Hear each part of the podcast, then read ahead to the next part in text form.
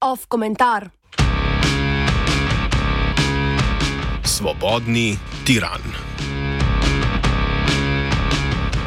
Prejšnji teden je bil za Gibanje Svoboda, največjo parlamentarno stranko in zamislico premijeja Roberta Goloba, kot tudi za samega, milo rečeno, razburkan. Iz stranke so izključili poslanko Mojco Šetinc Pašek in svetovalca predsednici državnega zbora Roberta Pavšiča. Istega dne je z mesta podpredsednice Svobode odstopila Urška Klakočar Zopančič, bojda zaradi prevelikih obremenitev. Pred parlamentarno komisijo sta pričala nekdanja notranja ministrica Tatjana Bobnar in nekdani vršilec dožnosti generalnega direktorja policije Boštjan Lindau. Za piko na i je poskrbel še golob sam, ko je znova nakazal smer prestrukturiranja vlade in s tem poskrbel za skrb v vrstah koalicijskih partneric, socialnih demokratov in levice. Ob vseh teh problemih so bile poplave ta teden za goloba le kaplja v morje.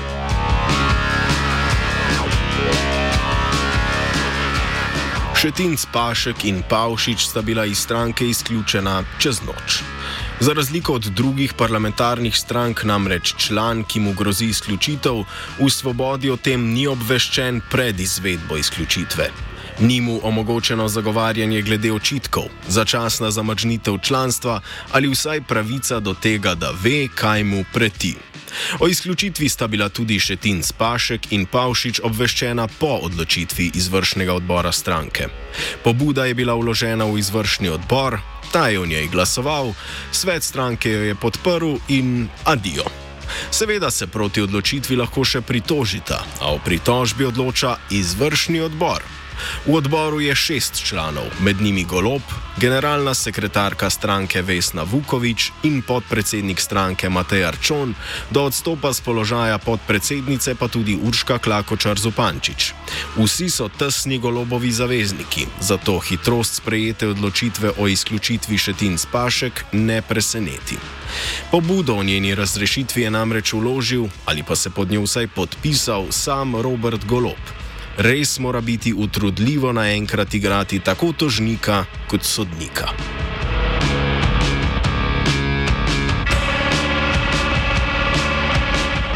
Zaslišanje Tatjane Bobnar in Boštjana Lindava je golobu naložilo predvsej obtož po političnem umešavanju v delo policije.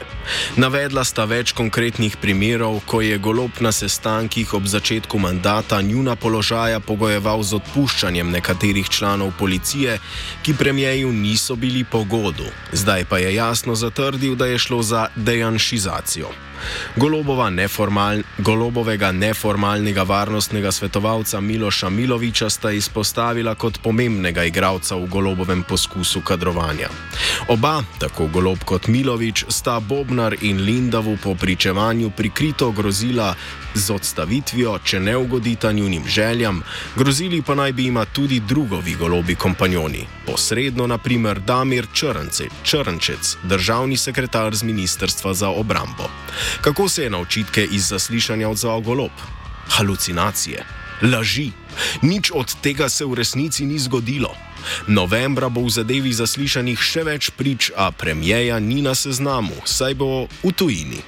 V odmevih je trdil, da bo odšel na zaslišanje, iz njegovih prvih odzivov pa je tudi razvidno, da hoče povedati svojo plat zgodbe. Bo tudi ta obljuba ostala zgolj pri besedah?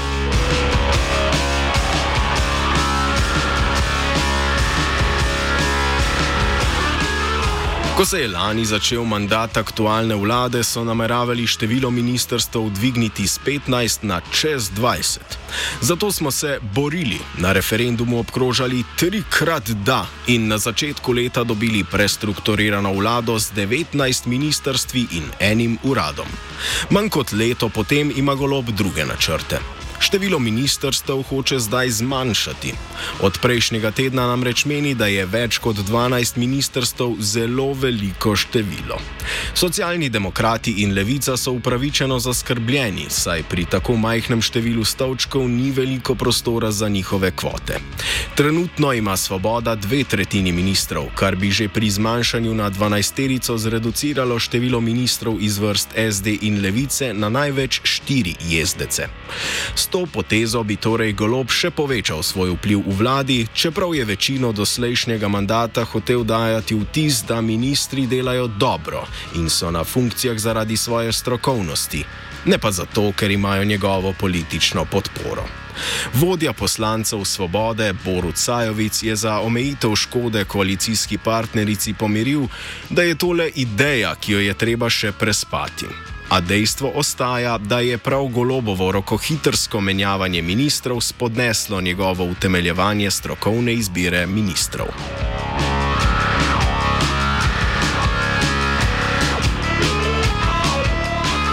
Izkaže se, da se je golob pri vladanju začel vedno bolj zatekati k maksimi tesnega straženja urad svobode v kombinaciji s čustveno delegitimacijo tistih, s katerimi se je razšel.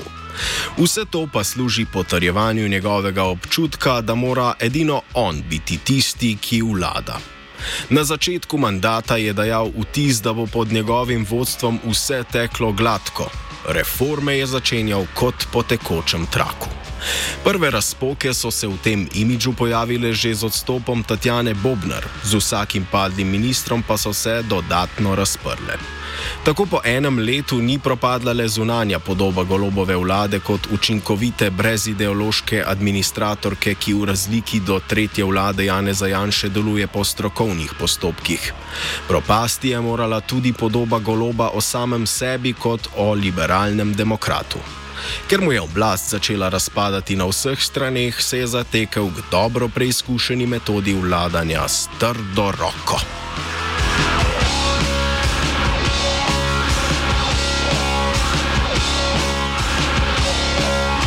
Večni izgovor goloba in njegovih ministrov so zdaj poplave.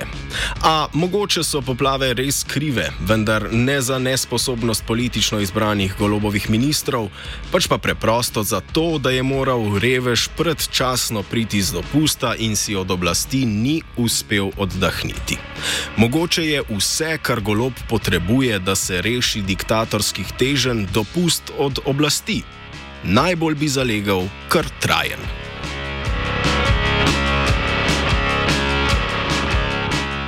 Komentiral je Luka.